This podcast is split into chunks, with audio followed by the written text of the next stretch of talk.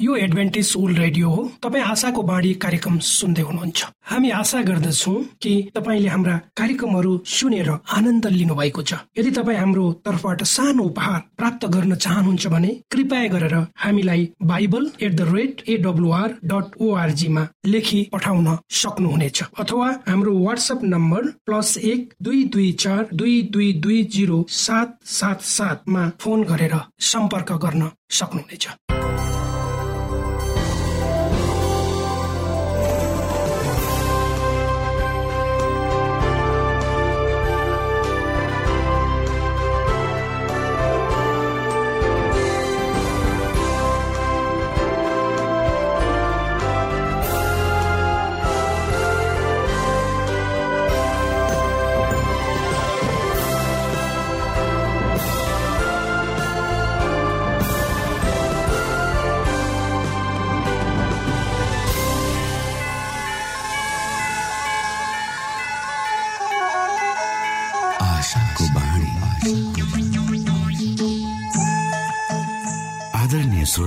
नमस्कार। यो समय तपाईँ एडभेन्टिस्ट ओल्ड रेडियोको प्रस्तुति भोइस अफ होप आशाको बाणी कार्यक्रम सुन्दै हुनुहुन्छ।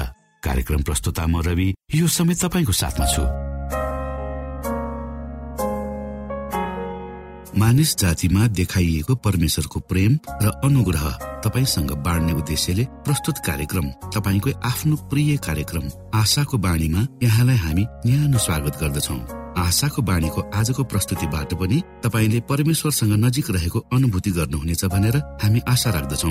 आउनु श्रोता यो मधुर भजनसँगै हामी हाम्रो मुख्य कार्यक्रमतर्फ लागौ।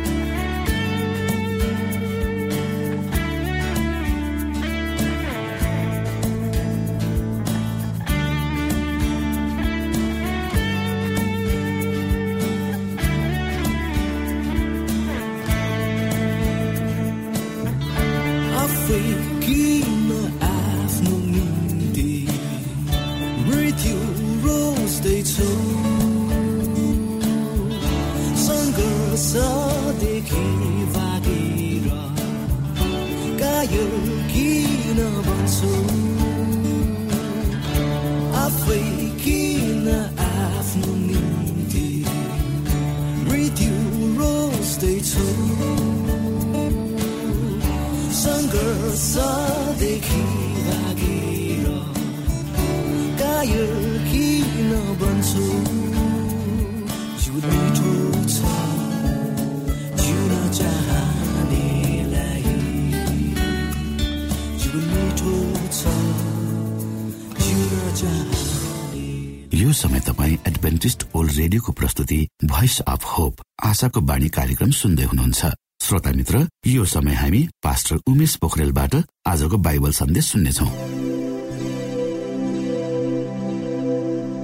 श्रोत साथी न्यानो अभिवादन साथ म तपाईँको आफ्नै आफन्त अर्थात् पास्टर उमेश पोखरेल परमेश्वरको वचन लिएर यो रेडियो कार्यक्रम मार्फत पुनः तपाईँहरूको बीचमा उपस्थित भएको छु। मलाई आशा छ तपाईँका जीवनका सम्पूर्ण पक्षहरू तपाईँका जीवनका यात्राहरू तपाईँले परमेश्वरमा अगाडि बढाउँदै हुनुहुन्छ। र परमेश्वरको आशिष आफ्नो जीवनमा प्राप्त गर्दै हुनुहुन्छ।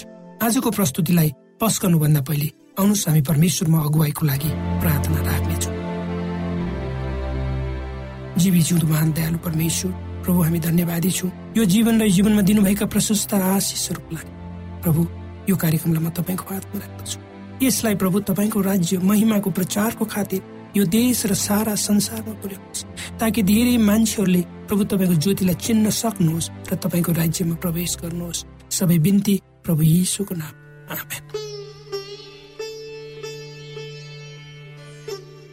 श्रोता साथी यस पृथ्वीमा भएको माटोको धुलोबाट सृष्टि गरिब भएको आदम प्रथम मानव थिए भनेर हामीले बुझ्दछौँ। उक्त सृष्टि गर्ने सृष्टिकर्ता परमप्रभु परमेश्वर आफै हुनुहुन्छ। हाम्रो बुझाइ अनुसार नैतिकताको जग नै आदमबाट सुरु भयो। त्यसकारण मानव जातिलाई चाहिने नैतिकता धार्मिक चरित्र वा आदर्श स्वभावलाई मानव जीवनको सुरुवातको ज्ञानबाट अलग गर्न सकिन्न। परमेश्वरले मानिस जातिलाई परमेश्वरले मानिसलाई जाति वर्ग वा सम्प्रदायको रूपमा सृष्टि गर्नु भएन उहाँले त सबैलाई एक रूपमा बनाउनु भयो यसमा कुनै दुविधा छैन वा हुनु पनि हुन्न। आजको संसारलाई मानिसहरूले जाति धर्म लिङ्ग वर्णको रूपमा छुट्याएर हेर्ने गर्दछ। र यसै अनुसार भिन्न भिन्न व्यवहारहरू पनि मानिस बीचमा गर्ने गरिन्छ। यो परमेश्वरको योजना र इच्छा निश्चय नै होइन। आज मानिसहरूलाई जिउनको निम्ति नभई नहुने नीति वा चरित्रहरू वा त्यसका ज्ञानहरू कहाँबाट आए त? विश्वका धेरै देशहरू विशेष गरी विकसित देशहरूका मानिसहरूले परमेश्वरमा कमै विश्वास गरेको देखिन्छ। यद्यपि उनीहरूमा पनि कुन कुरा ठिक वा बेठिक भन्ने ज्ञान छ र त्यही आत्मज्ञानले उनीहरू अगाडि बढिरहेको पाइन्छ।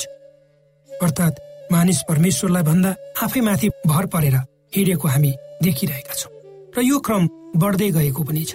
वास्तवमा भन्ने हो भने परमेश्वरलाई विश्वासै नगरी मानिस कसरी नैतिकवान हुन सक्छ वा नीति अनुसार चल्न सक्छ यो प्रश्न हामी सबैको निम्ति एउटा चिन्तनको प्रश्न हो श्रोता।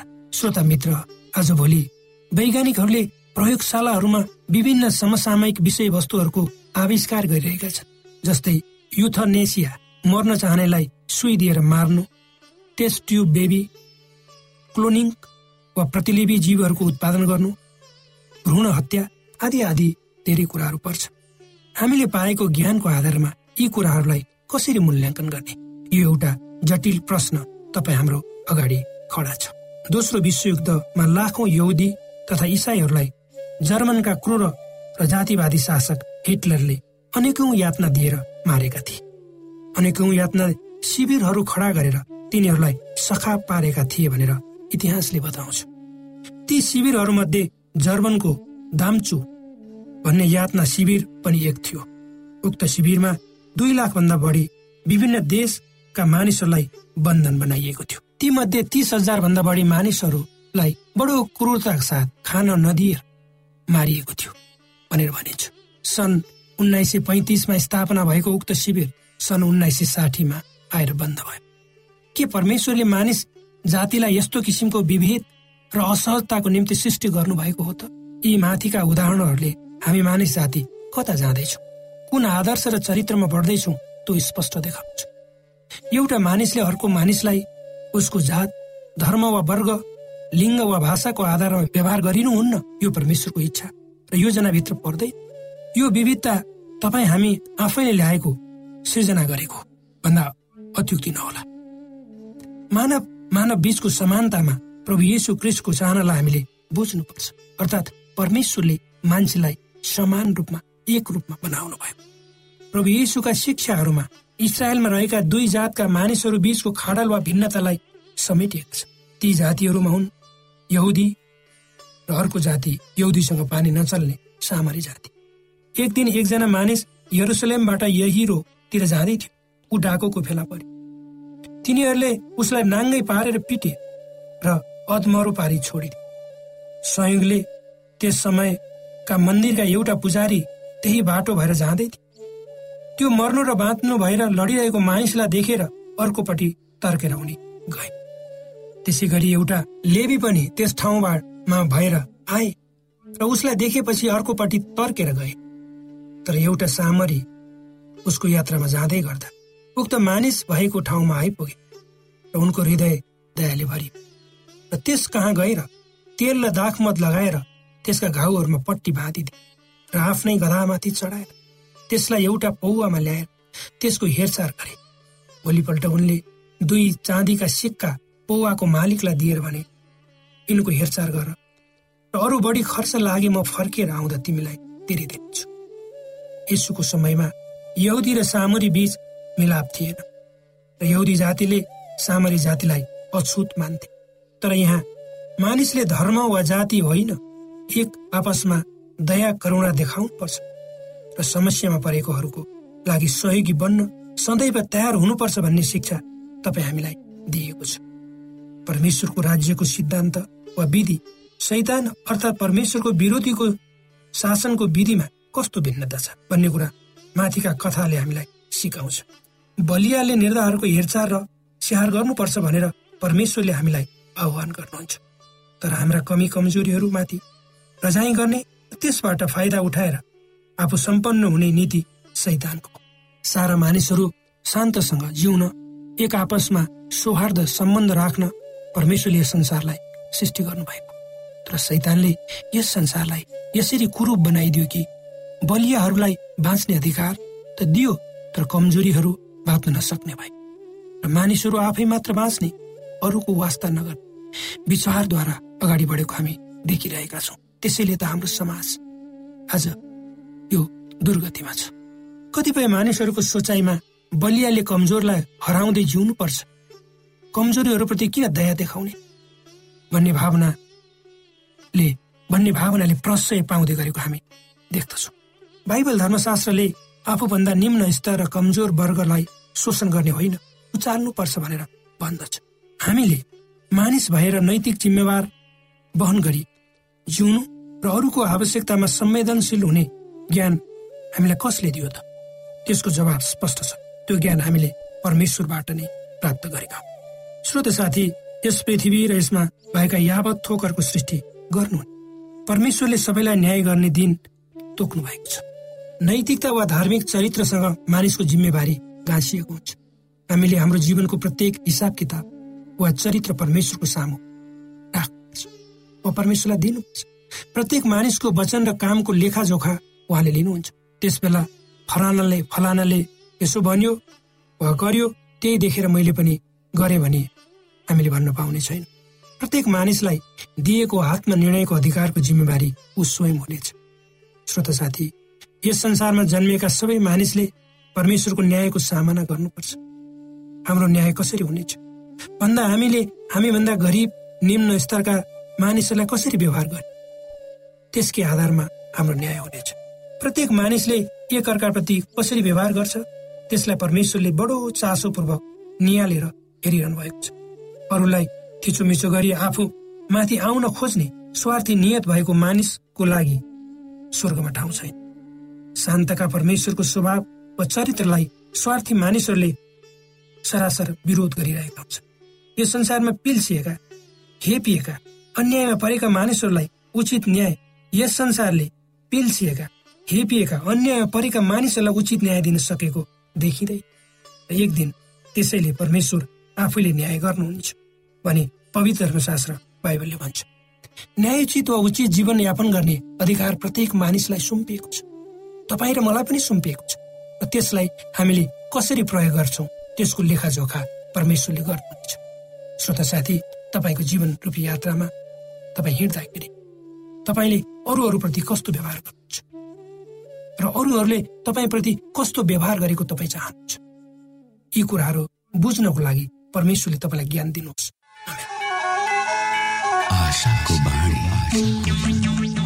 श्रोता भर्खरै यहाँले पास्टर उमेश पोखरेलबाट बाइबल वचन सुन्नुभयो।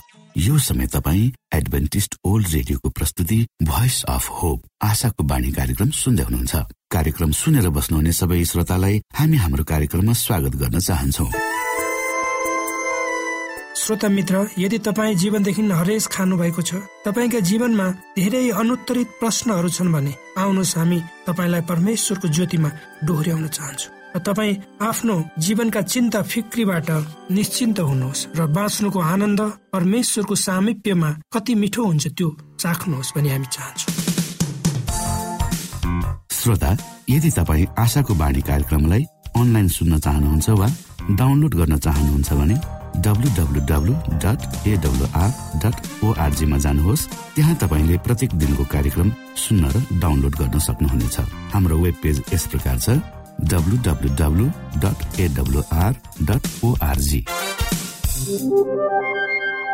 श्रोता यदि तपाईँ हामीसित सिधै फोनमा सम्पर्क गर्न चाहनुहुन्छ भने हाम्रा नम्बरहरू यस प्रकार छन्।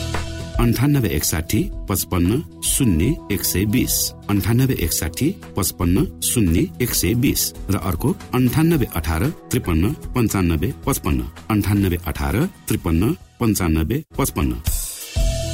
यो आशाको बाणी रेडियो कार्यक्रम हो। म धनलाल राई यहाँहरूलाई यस कार्यक्रममा न्यानो स्वागत गर्दछु। आजको समसामयिक विषयको प्रस्तुतिका साथ मिना राई।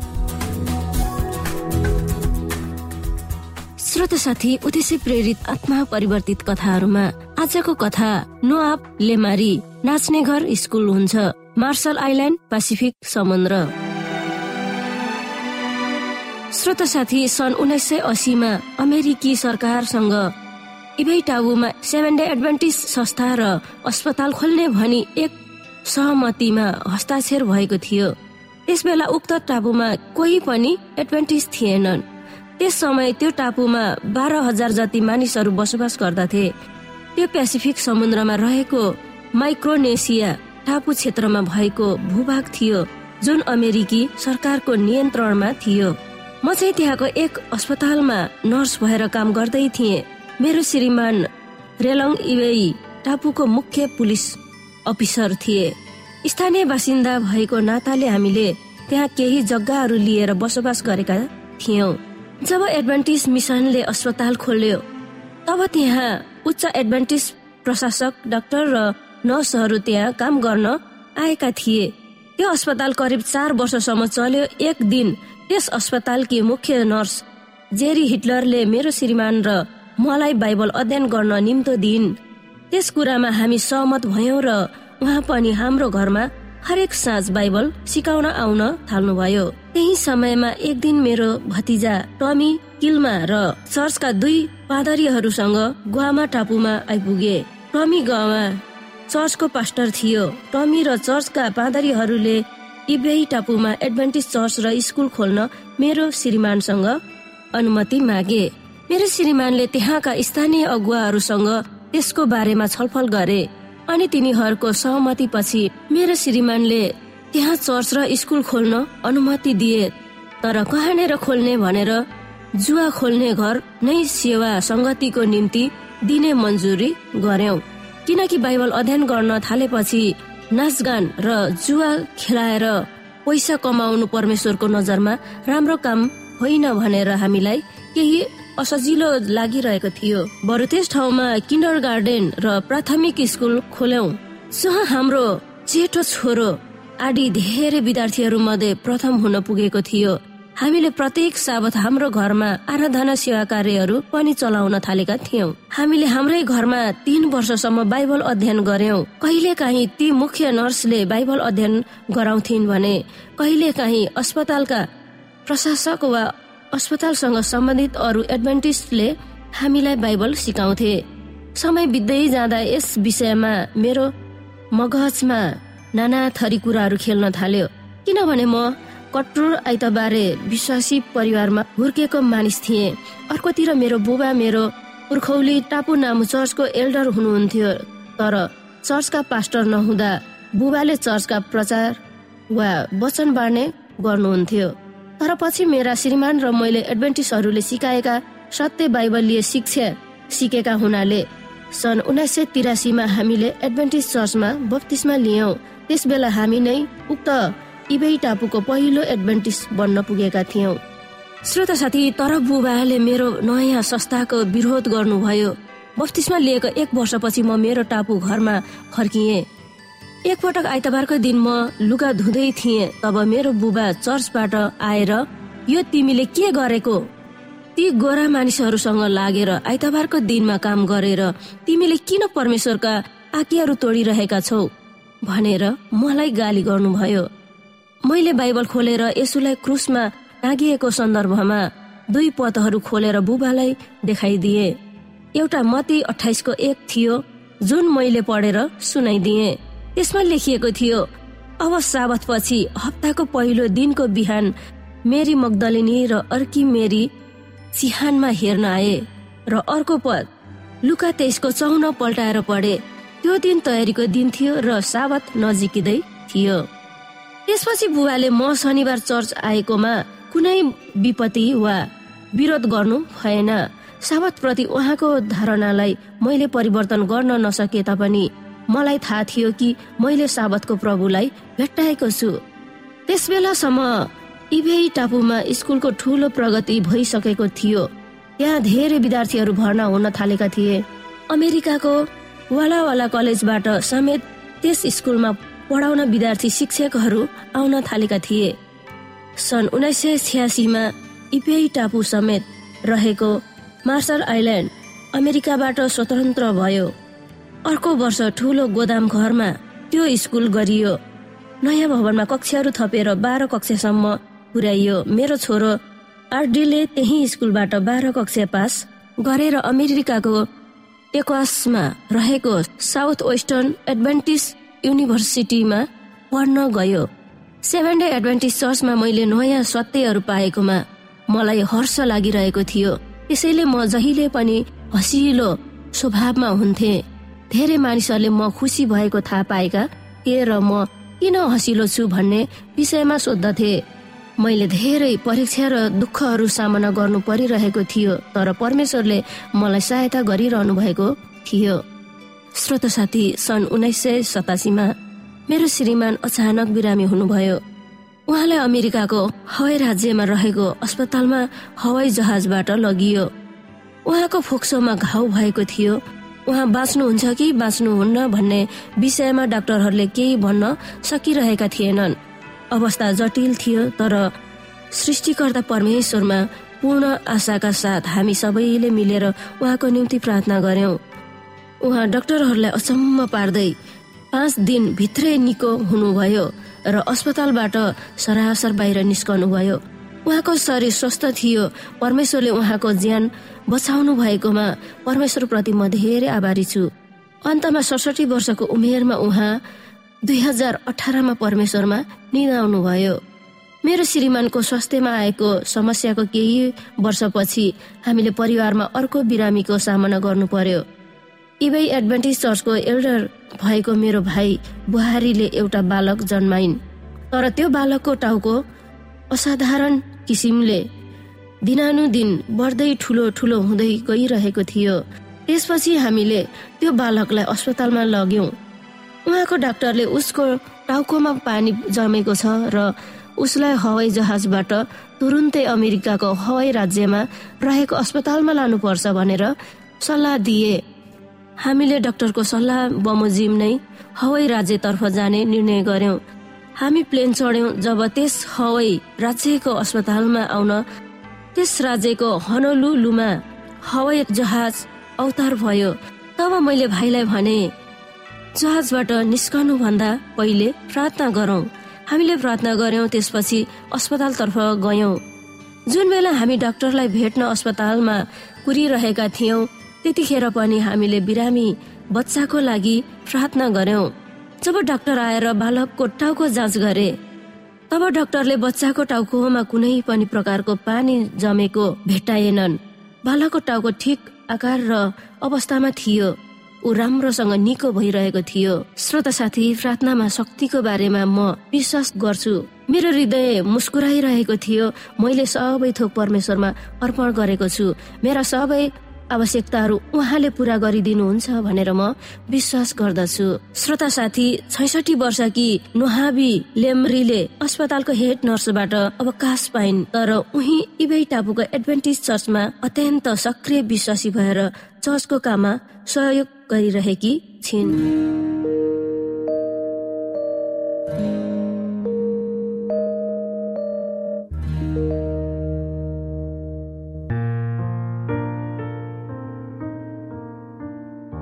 आदरणीय मित्र बाइबलले बताएको छ परमेश्वरले तिर्खाकाहरूलाई तृप्त पार्नुहुन्छ र भोकालाई उत्तम पदार्थले सन्तुष्ट पार्नुहुन्छ।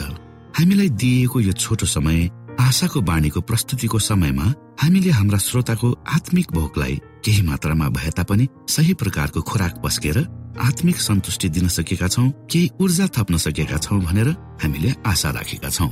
आफ्ना मनमा भएका केही दुविधा र शङ्काहरू छन् भने अवश्य हामीसँग बाँडेर शङ्काको निवारण गर्नुहुनेछ र सही प्रकारको बाटो पहिलाउन सक्नुहुनेछ परमेश्वरको सच्चाइले अझ राम्रो बुझ्न सक्नुहुनेछ र आफ्नो जीवनलाई परमेश्वरमा पूर्ण समर्पित भएर समर्पण सहितको जीवन बिताउन सक्नुहुनेछ भनेर आशा राख्दै अब हामी हाम्रो कार्यक्रम सकिएको जानकारी यहाँलाई गराउन चाहन्छौ। जानुभन्दा अगाडि श्रोता हामी यहाँलाई हाम्रो ठेगानाको विषयमा जानकारी गरौँ। हामीसँग पत्राचार गर्ने हाम्रो ठेगाना यस प्रकार छ। आशाको बाणी पोस्ट बक्स नम्बर दुई शून्य शून्य शून्य दुई काठमाडौँ नेपाल। आशाको बाणी पोस्ट बक्स नम्बर दुई शून्य शून्य शून्य दुई काठमाडौँ नेपाल। यसै गरी श्रोता यदि तपाईँ हामीसँग सिधै कुराकानी गर्न चाहनुहुन्छ भने हाम्रो फोन नम्बर यस प्रकार छ। अन्ठानब्बे एकसाठी पचपन्न शून्य एक सय बिस। अन्ठानब्बे एकसाठी पचपन्न शून्य एक सय बिस। र अर्को अन्ठानब्बे अठार त्रिपन्न पन्चानब्बे पचपन्न।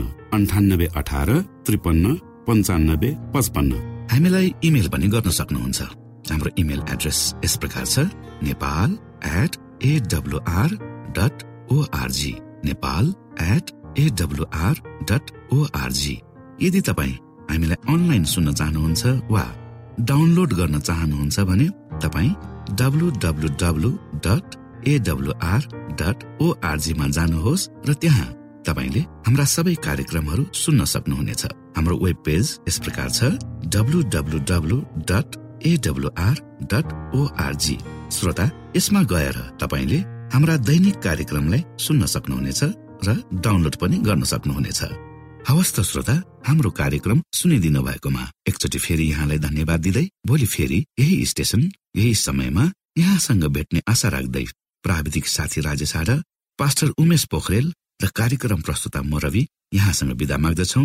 परमेश्वरले तपाईँलाई धेरै धेरै आशिष दिनु भएको होस्। नमस्कार। यो